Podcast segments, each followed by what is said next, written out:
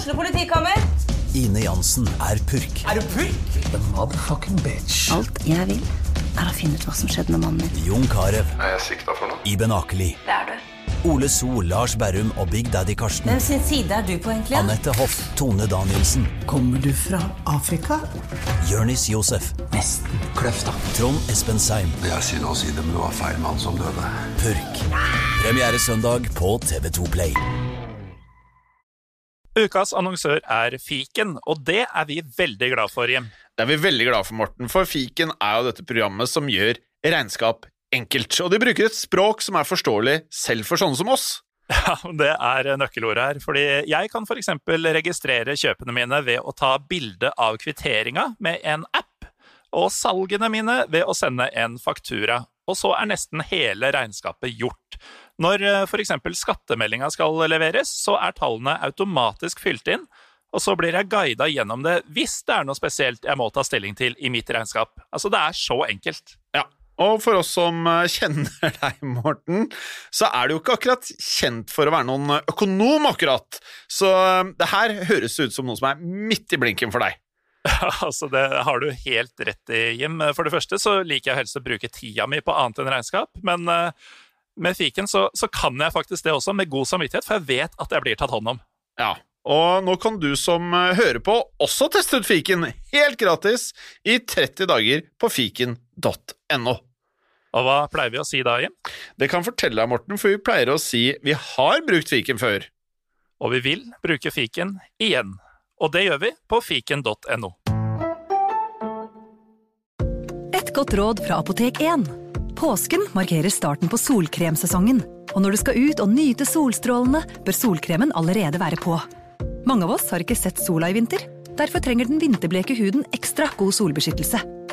Husk solkrem selv om det er overskyet, og at snø og sjø gir økt reflektering av solstrålene.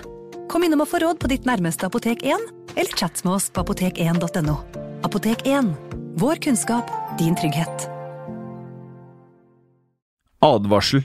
I denne podkasten vil du høre historier basert på informasjon programlederne har funnet selv. Programlederne står ikke nødvendigvis inne for meninger og syn som fremstilles. Noen påstander kan avvike fra virkeligheten.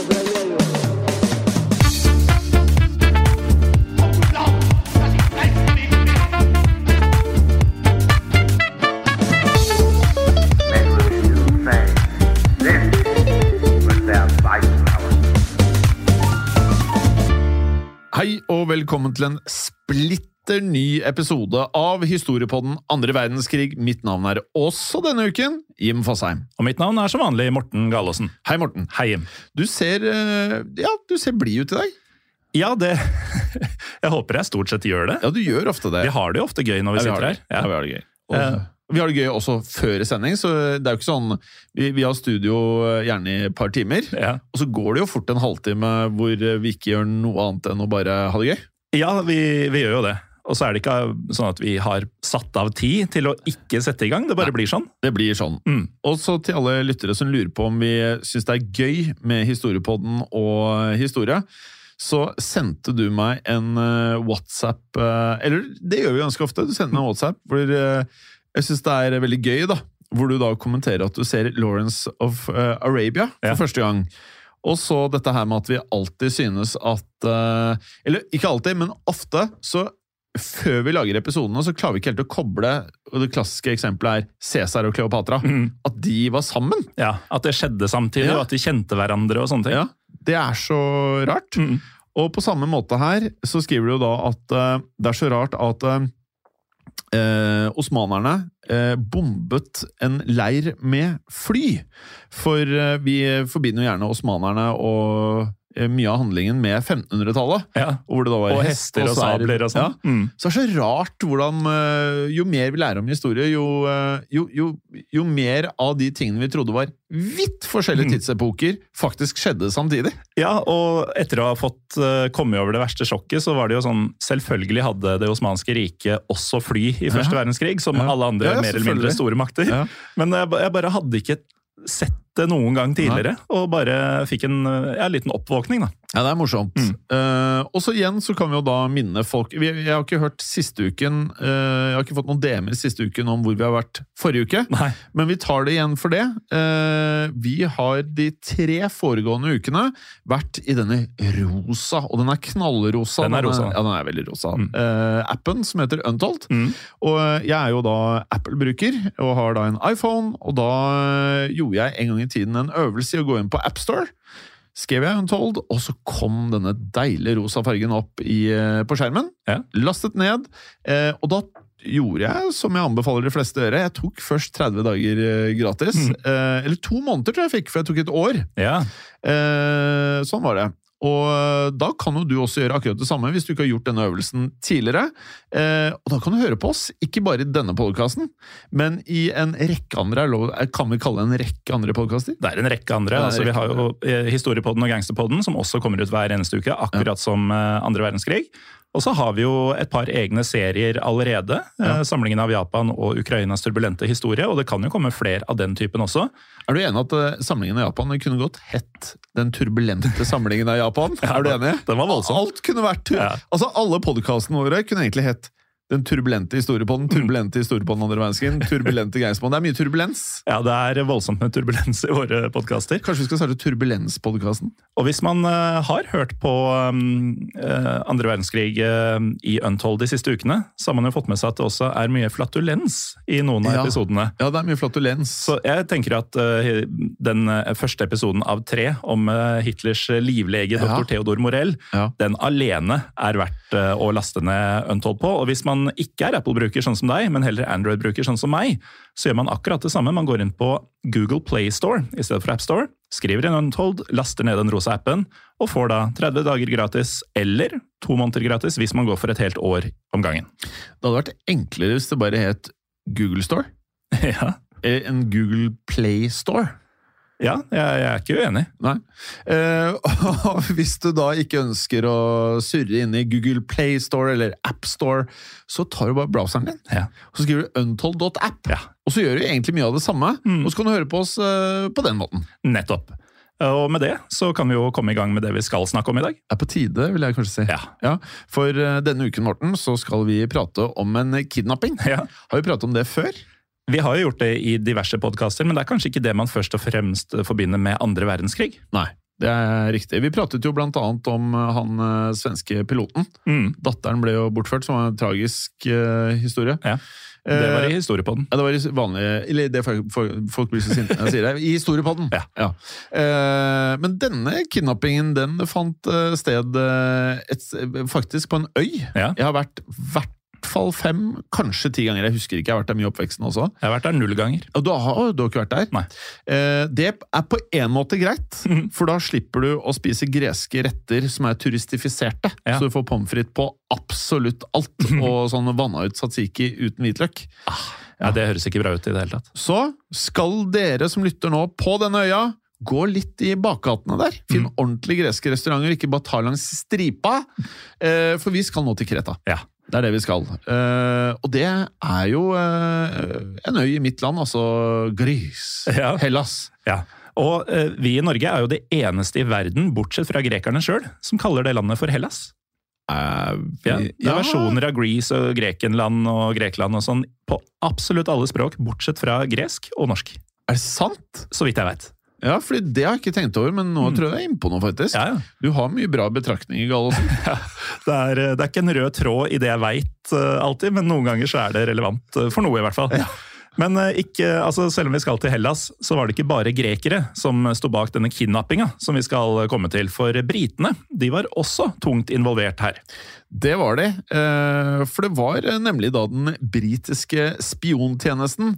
Og dette her er I den grad man kan si at ting høres bra ut, så må jeg jo bare si at dette her høres veldig bra ut. Nemlig Special Operations Executive, um, som sto da for både planlegging og også gjennomføring av kidnappingen. Ja, Er det et av favorittbyråene våre fra verdenshistorien? Ja, jeg kan ikke skjønne noe annet. Nei. At vi må ha den på topp 10-listen. Nei. Eh, er, er du ikke enig? På topp ti er de definitivt. Ja, jeg vil si det.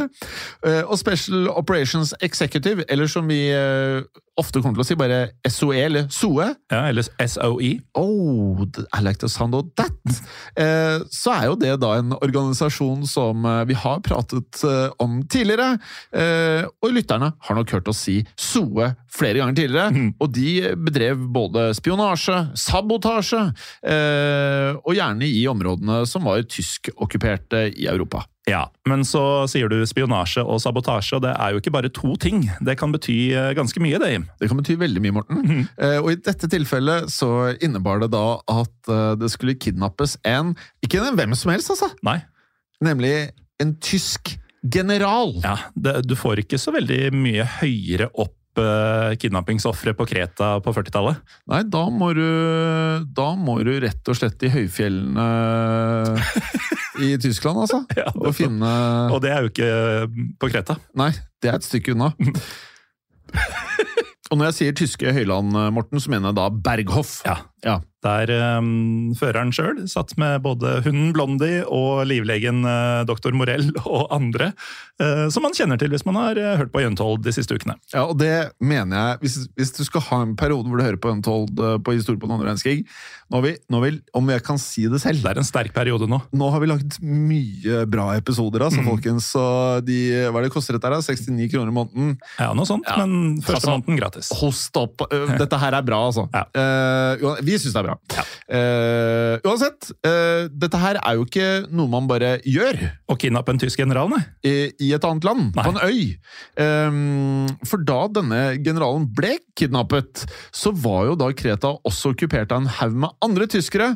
Faktisk hele 50 000 soldater! Ja, Det er ganske mye.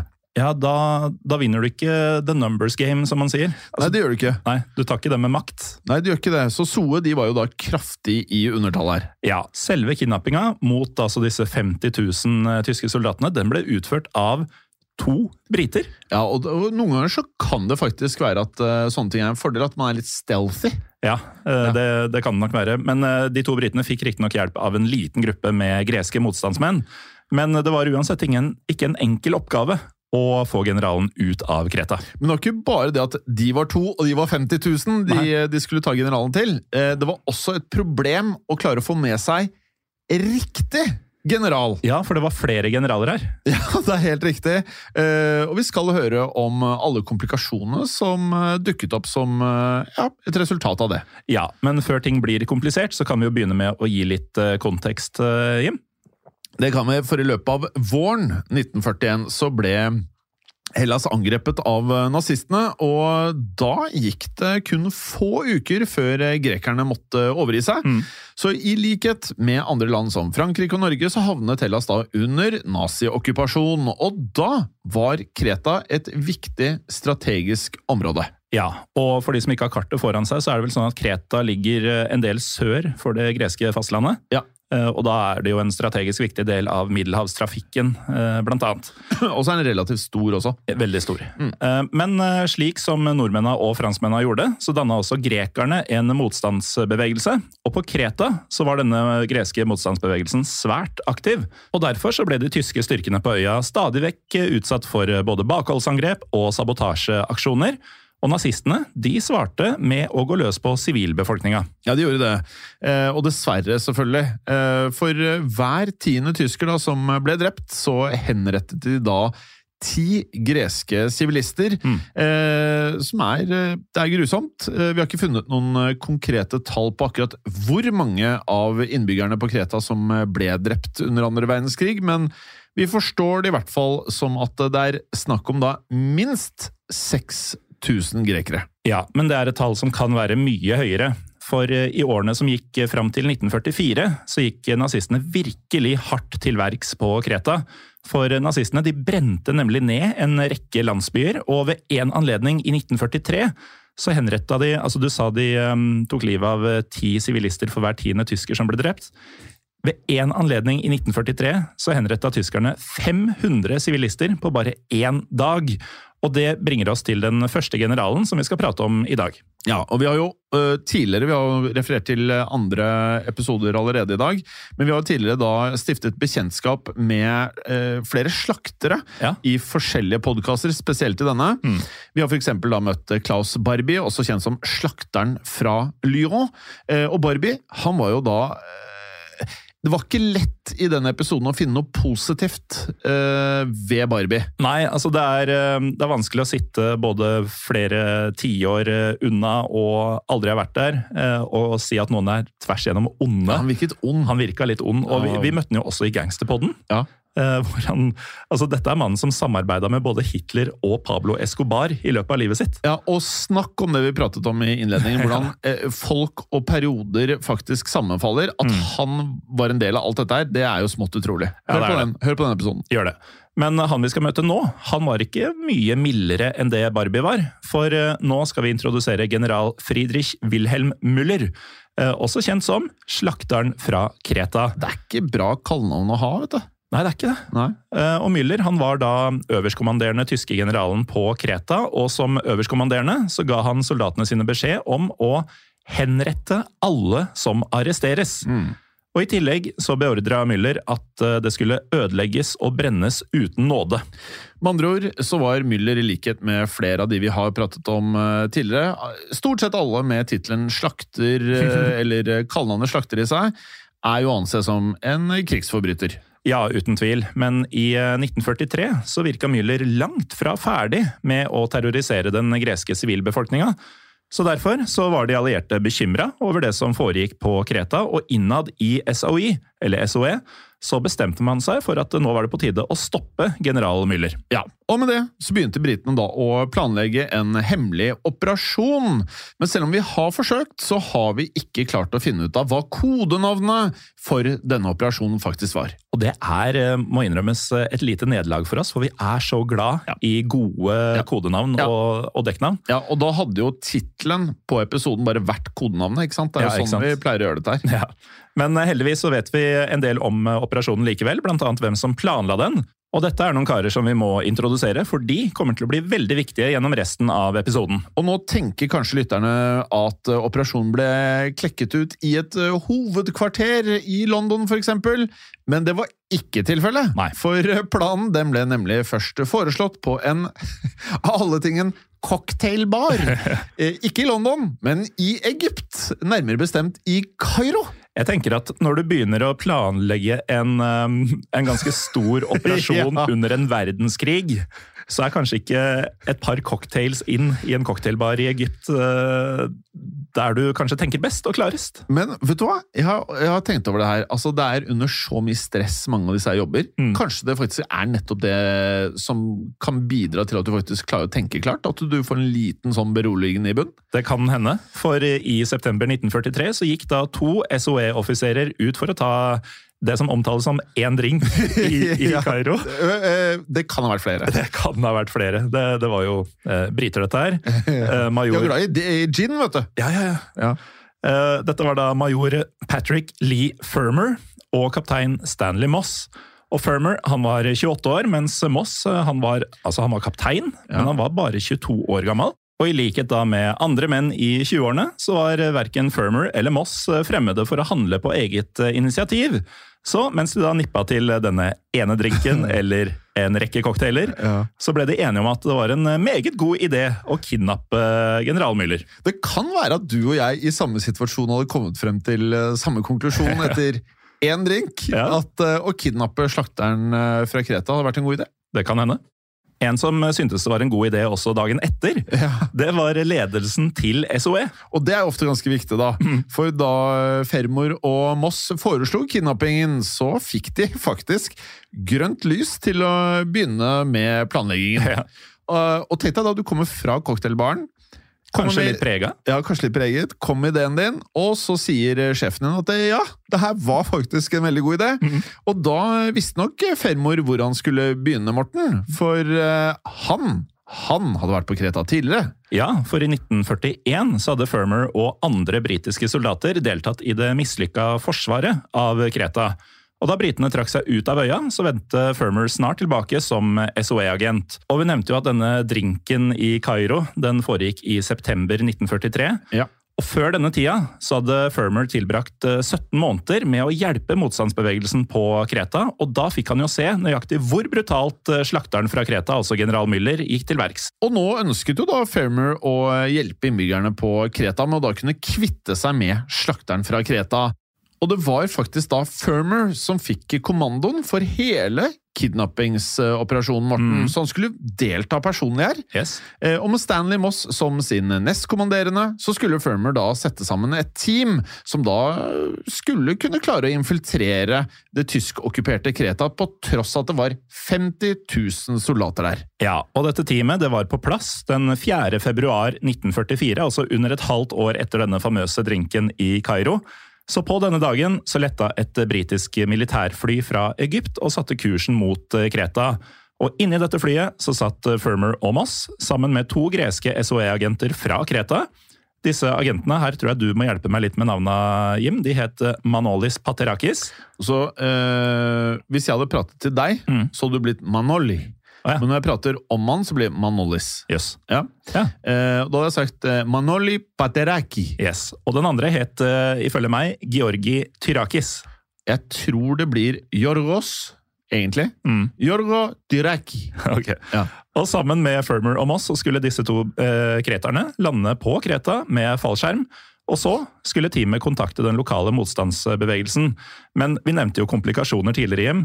Allerede her så skulle ting gå ikke helt etter planen. Ja, for når flyet til Firmer, Moss, Tyrakis og Paterakis da nådde Kreta, så var det kun Firmer som hoppet ut av flyet, og dette hadde en eh, enkel forklaring, Morten. Ja, for det høres jo ikke ideelt ut, men eh, det var sånn at eh, landingsstedet det hadde bare plass til én fallskjermhopper om gangen.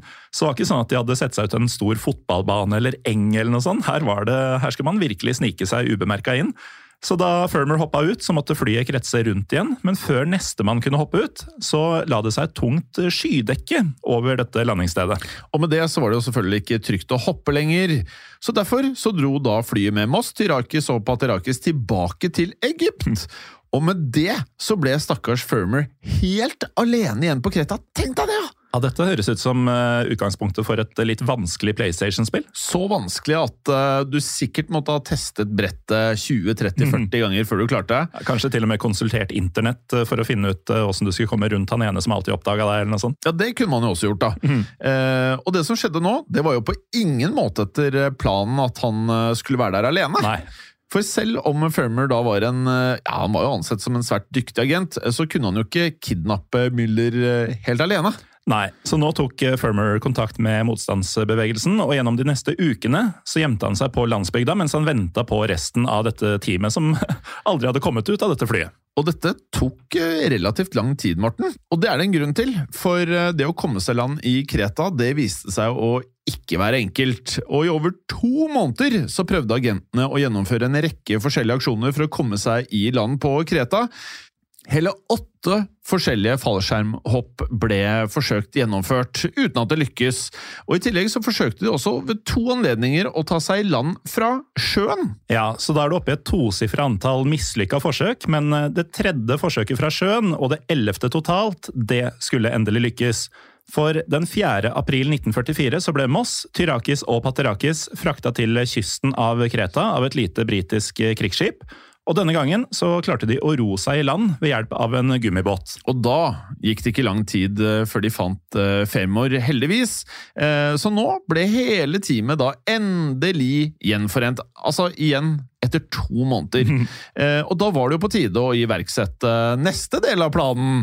For nå skulle teamet da ta kontakt med den viktigste lokale agenten til SOE, nemlig en greker ved navn Mikki Akamianos. Ja, Men eh, vi nevnte jo tidligere at Kreta er ganske stort hjem. Eh, Den er 260 km lang, denne øya, eh, og er 60 km på sitt breieste. Så her krevdes det jo en god del timer til fots før teamet nådde landsbyen som Mikki var i. Og da agentene omsider fant Mikki, så kom han med dårlige nyheter, for Mikki kunne fortelle at general Müller han hadde forlatt Kreta. For bare to dager tidligere så hadde Müller blitt tilbakekalt til Tyskland, Og nå hadde han blitt erstatta av en annen general, nemlig en general ved navn Heinrich Kreipe. Det er helt riktig, men uh, vi kommer tilbake til Kreipe senere. Uh, vi kan jo nevne at Müller han, han slapp ikke unna for godt. Nei. For da andre verdenskrig tok slutt, så ble Müller pågrepet av de allierte, og i 1947 så ble han da hengt for å ha begått alvorlige krigsforbrytelser. Ja, men for Firmer og hans team så var Müller nå ute av bildet. For nå var det altså denne Heinrich Kreipe som leda de 50 000 tyskerne på Kreta. Og det var jo ikke optimalt, for SOE-agentene var jo der eh, egentlig utelukkende for å kidnappe Müller. Ja, men nå var det allerede investert mye tid og mye ressurser på å få tak i Müller, eh, og med det så ønsket man jo ikke å avblåse hele operasjonen. Nei. Så nå bestemte Fairmer seg for å kidnappe Kreipe i stedet. Og tanken bak eh, denne avgjørelsen den ble senere oppsummert av eh, Stanley Moss, eh, Morten. Ja, og vi bare minner om at det var Firmer og Moss som var disse to som tenkte ut planen i utgangspunktet over disse cocktailene i Kairo. Ja. Moss sa følgende We supposed that the one general was as good a catch as any other. Ja, og jeg kan jo være litt enig. Ja, En tysk general er en tysk general. Og med det så begynte de å planlegge kidnappingen av Heinrich Kreipe. Og som vi har nevnt, Morten, så fikk eh, agentene mm, hjelp av Mikki Akamianos og den greske motstandsbevegelsen, og snart så dro Firmer og Mikki ut på et rekognoserings takt sammen. Endelig kom eh, et av favorittordene våre ja. i alle podkaster. Rekognosering. Deilig. Ja, Som igjen betyr for den nye lytte, lytteren som lurer på hva det betyr? Ja, Det er jo ofte å speide eller finne informasjon om uh, hvor ting er, hvor folk er, hvor mange er de, hvordan kan vi angripe dette på best mulig måte. Ja, Og hadde det vært fred, så hadde det blitt uh, noe sånn som en uh, tur. ja. På en måte. Rett og slett. Ja. Utforske litt. Mens fordi det er krig, så må du passe på at du ikke blir spottet. Mm. Ja. og Derfor så forkledde de seg som lokale bønder.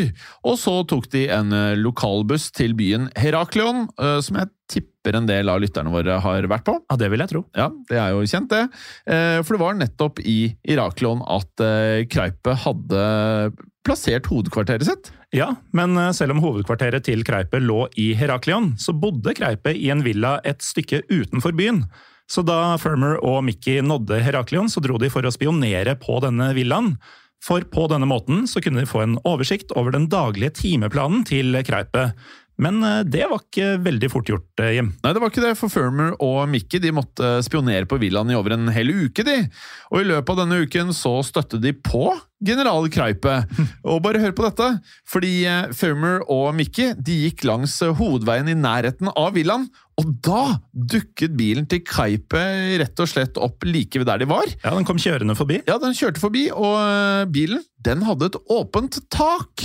Så mens eh, sjåføren til Kaipe da konsentrerte seg om å kjøre, så satt Kaipe i det ene forsetet og rett og slett nøt utsikten. Ja, Så da bilen passerte Firmer og Mickey, så klarte de rett og slett ikke å dy seg. Så Firmer og Mickey de begynte å vinke til Heinrich Kreipe.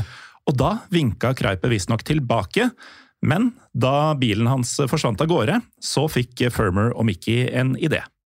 Ideen til Firmer og Mickey Morten, det var rett og slett å kidnappe Kreipe, mens han kjørte bilen sin. Ja, den var rett og slett eh, sterkt inspirert av dette møtet da de vinka til Kreipe i den åpne bilen. Ja, så med andre ord, det trenger ikke å være de mest kompliserte ideene alltid. Nei. Nei. For uh, ide La oss bare oppsummere du tar deg en cocktail, mm. bestemmer deg for å ta én general ja. eh, på en øy som ja. er eh, Ja, det er 50 000 soldater. Mm. Når han ikke lenger er der, mm. så velger du å ta en annen. Og så vinker du til han når bilen kjører forbi i kabriolet-versjonen av bilen. Eh, så tenker du ja, hvorfor ikke bare kidnappe uh, denne generalen neste gang vi ser han i bilen? Nettopp. For de hadde jo nå merket seg at uh, Kreipe han ble kjørt uh, hjem til nesten samme tid hver eneste kveld. Så rekognoseringa begynte å lønne seg? Ja, turen ga resultater. Mm. og hver kveld så dro han da nemlig fra hovedkvarteret sitt i Heraklion og hjem. Og som regel så nådde han villaen omkring 22.00. men noen ganger så kunne det bli litt senere. Ja, for Kreipe han var visstnok glad i å spille kort. Mm. Så noen kvelder så kom han senere hjem fordi han satt og spilte kort til langt utpå natta i Heraklion. Og i denne villaen hans så hadde den personlige staben hans blitt ganske vant til at eh, Kreipe kom sent hjem. Ja, så dersom Kreipe ikke var hjemme til 22.00, så ville staben hans kanskje ikke slå alarm av den grunn. Nei, for det var helt vanlig. Ja, og grunnen til at dette er litt viktig, er den at eh, hvis det var da slik at Firmer og teamet hans kidnappet Kreipe på vei hjem, så ville det antageligvis ta flere timer før eh, teamet hjemme i huset hans da ville begynne å lete etter han. Ja, men likevel så måtte jo SOE-agentene finne ut eh, hvordan de skulle stoppe bilen til Kreipe, og da fikk de hjelp av denne Mikki Akaumianos.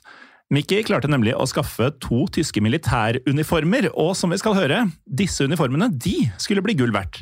Det ble de, Morten, for kvelden 26. april 1944 så hadde alle forberedelsene blitt gjort, og nå stilte Firmer og Moss opp langs veien, som de hadde gjort tidligere, et stykke unna villaen til Kreipe. Både Firmer og Moss hadde nå på seg disse tyske uniformene som Mickey hadde skaffet, og nå var det bare én ting igjen å gjøre, Morten. Nå skulle de vente. Ja, og det var jo Firmer vant til etter disse to månedene han venta på resten av teamet tidligere. Men nå hadde Firmer selskap av både Moss og eh, Paterakis og Tyrakis. Og um, de to grekerne, altså Paterakis og Tyrakis, de lå langs veikanten sammen med Mikki Akamianos og fire andre karer fra den greske motstandsbevegelsen. Og da klokka var halv ti på kvelden, så blinka en av disse grekerne tre ganger med en lommelykt. Og her kan jeg, jeg kan nesten se det for meg som om det var i en film. Mm. Det er liksom klassisk annen verdenskrig-film. Ja, veldig. Mm, og da var eh, rett og slett dette signalet for at bilen til Kreipe den nærmet seg. Og med det så stilte nå både Firmer og Moss seg midt i veien. Så trakk de frem pistolene sine, og da bilen nærmet seg, så ble de sett av Kreipe og sjåføren hans, en Albert Fenske. Og Firmer ropte ut 'halt! Halt!'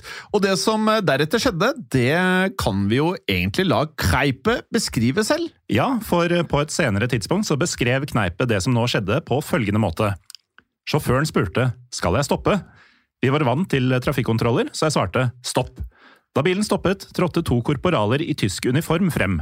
En av dem krevde å få se reisepasset mitt. Siden jeg ikke hadde det, for det var normalt ikke påkrevd, så sa jeg vet ikke.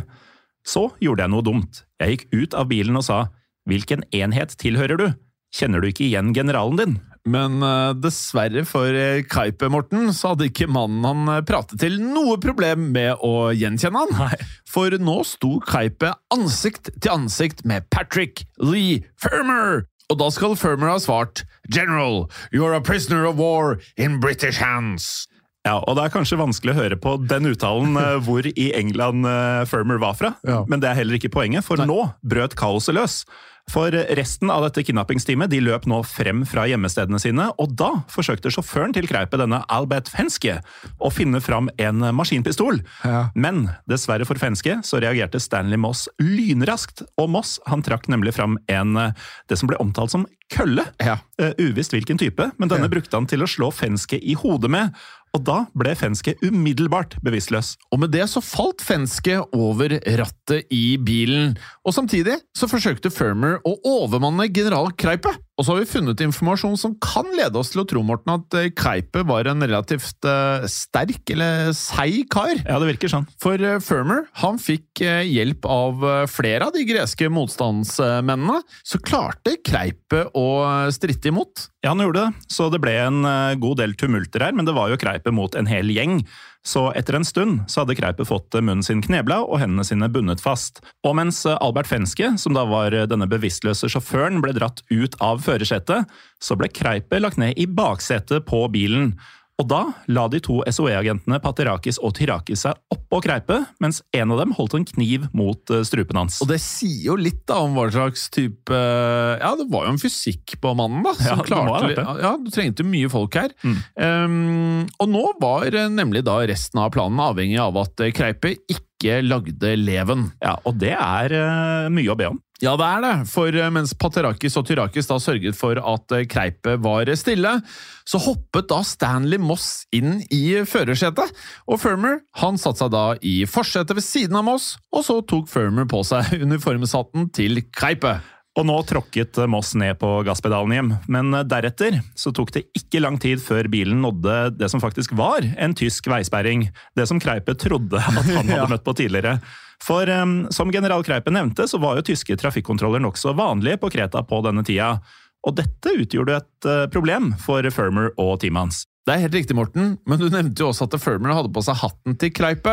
Og siden det var mørkt ute, så var det ikke lett for tyskerne å kunne se ansiktet til Firmer på avstand. Nei, og nettopp derfor så planla Firmer å utgi seg for å være Kreipe. Og nå må vi bare pause litt her, fordi eh, det er så mange bevegelige deler i denne planen. Altså, For det første har du det baksetet der med tre mann, eh, hvor det kan oppstå en masse spetakkel. Og så skal du i tillegg som brite ut i deg for å være en general overfor tyske soldater, som helt sikkert veit hvem generalene er. Um, men i hvert fall, de, det var det de skulle prøve på, så da Ja. Moss bremsa foran denne tyske veisperringa, så ropte Firmer ut Das Auto de Generale! som da betyr eh, generalens bil. Og før vaktene rakk å reagere, så tråkka Moss ned gasspedalen igjen, og bilen kjørte derfor gjennom trafikkontrollen. Og da Firmer så i bakspeilet, så var det jo to alternativer som kunne skje her. Det ene var at tyskerne kom etter dem, og det andre var at de gjorde honnør mot bilen. Og Firmer han kunne puste letta ut, for det var det siste som Ja. skjedde. Men det var ikke over, Morten! Langt ifra. Eh, Langt ifra, for i løpet av de neste minuttene så fortsatte kjøreturen. Og før den var over, så hadde Firmer og Moss tatt seg gjennom 21 Jeg repeterer 21 andre tyske kontrollposter på samme vis! Ja, Så da vi sa at Kreipe var vant til at det var kontrollposter på gatene Det er 22 stykker på denne lille turen på kveldstid. Ja, Etter du har hatt litt hyggelig. Men på tur gjennom alle disse kontrollpostene så lå jo Tyrakis og Paterakis oppå Kreipe i baksetet. Så verken Kreipe eller disse to hadde det nok særlig komfortabelt på denne turen. Nei, og det skulle ikke bli mer komfortabelt med det første, skjønner du. For etter ca. to timers eh, kjøring så stoppet de opp. For nå var planen at Moss og Paterakis de skulle ta seg videre til fots sammen med Kaipe. Ja, og Tanken var da å gå til et eh, forhåndsbestemt eh, skjulested, eller et safehouse, som de sikkert kalte det selv, i et lokalt fjellområde. Men det ble ikke enkelt, Jim. For nå klaga Kreipe på at han hadde slått det ene beinet sitt. Og da Kreipe begynte å halte, så måtte Moss og Paterakis veksle på å bære Kreipet på ryggen. Om andre ord, Morten, eh, det ikke Det gikk ikke fort, dette her. Nei, det, det går ganske sakte når man må slepe på en general på ryggen, eh, tenker jeg, gjennom natta. Men eh, kidnapperne hadde jo heldigvis et eh, forsprang her, for som vi nevnte, så var staben til Kreipe vant til at han iblant kom eh, seint hjem. Og derfor så hadde tyskerne til gode å innse at Kreipe hadde blitt kidnappa. Men det skulle ikke vare for evig, for eh, mens Moss og Paterakis eh, bar Kreipe opp i fjellene, så kjørte da Firmer og Tyrakis videre med bilen til Kreipe. Og planen deres var rett og slett å lure tyskerne til å tro at Kreipe allerede hadde blitt bortført fra Kreta. Så nå parkerte Firmer og Tyrakis bilen på en øde strand, for på den måten så håpet de da at tyskerne skulle tro at kidnapperne hadde blitt hentet av en båt. Det er en god plan. Det er en ok plan. Ja, Men uh, før Firmer og Tyrakis eh, forlot bilen til fots, så la Firmer igjen et brev til tyskerne. Og her har vi valgt å ikke oversette til norsk, Jim, for dette er bortimot så britisk som man kan få det. Og Jeg skal da også prøve å lese det med britisk aksent. Hør på dette her. Gentlemen, your divisional commander, General Kreipe, was captured a short time ago by a British raiding force under our command. By the time you read this, he will be on his way to Cairo. We would like to point out that this operation was carried out without the help of Cretans. Your general is an honorable prisoner of war and will be treated with consideration. Any reprisals against the uh, local population will be wholly unwarranted and unjust. Auf baldiges Wiedersehen! Ja, og dersom noen av lytterne ikke vet hva Auf baldiges Wiedersehen betyr, så kan jeg opplyse om at det betyr vi ses snart. Ja, det er, Et, det er et freidig brev å legge igjen. Ja, jeg vil si det. Men eh, brevet det var ikke det eneste som Firmer la igjen i denne bilen. For um, ifølge kildene våre så etterlot eh, Firmer også en britisk militærlue, Ja, det er jo greit. en pakke sigaretter Det kan være hyggelig å få. og en bok av den britiske krimforfatteren Agatha Christie. Og det er litt sånn uh, britisk humor, eller? Ja, på høyt nivå. Ja, jeg tenker det. Bra.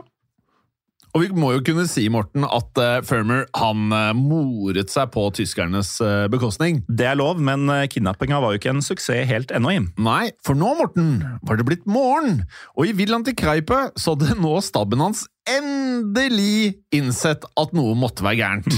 Så Kaipe han ble derfor meldt savnet, og snart hadde da 30 000 tyske soldater fått ordre om å iverksette en leteaksjon. Ja, Så nå begynte tyskerne da å finkjemme Kreta etter eh, Kreipe, men i timene etter kidnappinga så skal både Kreipe og kidnapperne ha nådd dette skjulestedet i eh, fjellet.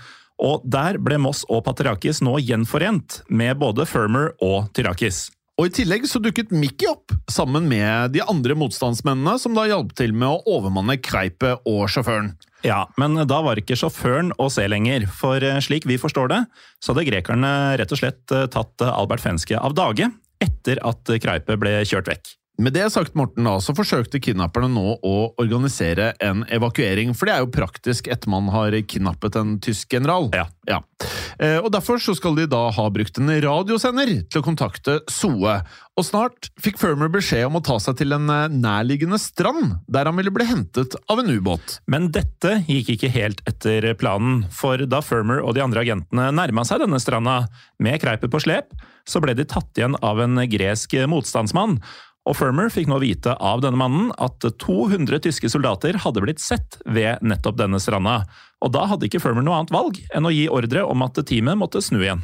Så nå ble Kreipet motvillig dratt til fjells nok en gang. Ja, Kanskje bokstavelig talt, hvis han fortsatt hadde vondt i dette beinet sitt. Ja, og Gjennom de neste dagene så ble han da flyttet fra et skjulested til et annet. For nå skjønner du, Morten, nå måtte kidnapperne gjemme seg i en rekke små gjeterhytter. Mm. Og mens de gjorde det, så fortsatte jo da tyskerne å lete gjennom eh, det som var av området rundt. Ja, og da skal tyskerne på et tidspunkt bare ha vært noen få hundre meter unna ett av stedene der Kreipet ble holdt eh, fanga, men heldigvis for kidnapperne så forsøkte ikke Kreipet å rømme eller å rope om hjelp. Så mens dagene gikk, så ble Kreipet sittende i fangenskap, og til slutt så hadde det gått over to uker siden Kreipet ble bortført, men nå gjorde kidnapperne et nytt forsøk på å rømme, og igjen så var planen å bli henta av en britisk ubåt. Så den 14. mai 1944 så tvang Moss, Firmer og grekerne med seg Kreipe til stranden der ubåten skulle hente dem, og denne turen den må ha sett uh, noe minneverdig ut, Morten. Mm. For da de marsjerte ned fra fjellene, så skal Kreipa ha fått uh, lov til å ri på et muldyr. Mm. Og mens Kreipe red av gårde sammen med de andre, så skal hundrevis av greske bønder og motstandsfolk ha samlet seg for å vinke farvel til dem. Uh, det høres jo ut som et et spesielt syn. Det gjør det. For um, Firmer og teamet hans utgjorde nok denne britiske ubåten også litt av et uh, syn. For da SOE-agentene omsider nådde denne stranda sammen med Kreipe, så var uh, båten på plass, og da klokka var ca. ti om kvelden, så fikk uh, teamet til Firmer kontakt med båtmannskapet og det ble utveksla en rekke signaler med lommelykter, og etter noen få minutter så tok båten seg inn mot land for å hente Kreipet og teamet. Og denne gangen så klarte Firmer og Moss å ta seg om bord på båten med Kreipe. Det er vel første gang de har fått til noe på første forsøk. ja, det er faktisk det. Eh, og med det så hadde operasjonen eh, til slutt da blitt en suksess. Så nå kunne både Firmer, Moss, Tyrakis og Paterakis eh, slippe jubelen løs. Men her virka det faktisk som at general Kreipe også var en smule fornøyd. Og det er litt spesielt. Ja, for selv om Kreipe snart ville ende opp i en fangeleir, så slapp han i det minste å tilbringe mer tid i disse gjeterhyttene oppe i fjellene. Han var lei, han. Han hadde ikke likt seg noe særlig der. Han hadde ikke. Og dette uttrykte han senere slik. I over to uker hadde jeg ingen rene lommetørklær, med mindre jeg vasket dem i vann først. Tenk deg at det er det verste for deg, at du ikke har rene lommetørklær. Da veit du ikke hva det egentlig innebærer å bli kidnappa. Nei, Eh, han hadde nok litt enklere enn de fleste har det i en sånn situasjon, kanskje. Mm. Med det sagt, da, så seilte Kaipe og agentene nå til Egypt. Og derfra så ble Kaipe overført til en fangeleir i Canada. Og til slutt så endte han opp i en fangeleir i Wales. Altså Hvis vi bare tar et øyeblikk og tenker at dette er på 1940-tallet, med litt uh, vanskeligere reisemetoder enn i dag. Fra Egypt til Canada ja. og Canada til Wales. Det er, en, uh, det er en hard reise som fange. Det er mye logistikk. Det er det. Uh, men det var nettopp fra denne fangeleiren i Wales at Kreipe omsider ble løslatt i 1947. Eh, men når det gjelder hvorfor han ble løslatt i 1947 og ikke i 1945, da krigen faktisk tok slutt, så har vi dessverre ikke noen forklaring. Nei, vi har dessverre ikke det, men eh, en helt annen ting. Hadde dette vært en film, Morten, mm. så hadde vi nå avsluttet filmen med å vise hva som skjedde på Kreta, når tyskerne finner denne lappen til Firmer. Ja, den som han la igjen i bilen hvor det sto klart at eh, grekerne hadde ikke noe med det her å gjøre. Helt riktig, for uh, tyskerne de fant jo lappen, mm -hmm. uh, og de følte at det var tydelig at det var britene og Soe som faktisk sto bak kidnappingen. Og av den grunn så skal det heldigvis ikke ha blitt utført noen straffetiltak mot sivilbefolkningen, så vidt vi vet. Ja, og Det betyr jo at lappen uh, fungerte akkurat som Firmer hadde håpa på. Samtidig som han klarte å gjøre narr av de. Ja, og det var jo en rein løgn. Det var masse grekere involvert ja. I, i, saken. Men før vi runder av, så kan vi også si noen ord om hvordan det gikk videre med nettopp Firmer og Moss. For da Kreipe ble bortført fra Kreta, så hadde jo operasjonen deres blitt en suksess. Ja, for kidnappingen av Heinrich Kreipe har nemlig blitt beskrevet som en av andre verdenskrigs aller dristigste hemmelige operasjoner. Det sier ikke lite. Det sier mye, Morten. Mm. Og siden de både planla og utførte operasjonen selv, så fikk både Firmer og Moss tildelt hver sin æresutmerkelser. Og det syns jeg de fortjener. Ja, definitivt. Og Firmer han fikk utmerkelsen The Distinguished Service Order, mens Moss fikk tildelt The Military Cross. Men verken Firmer eller Moss var ferdig med å plage nazistene etter dette, Jim. De var på ingen måte det, for gjennom resten av andre verdenskrig så fortsatte de begge å tjenestegjøre i Soe.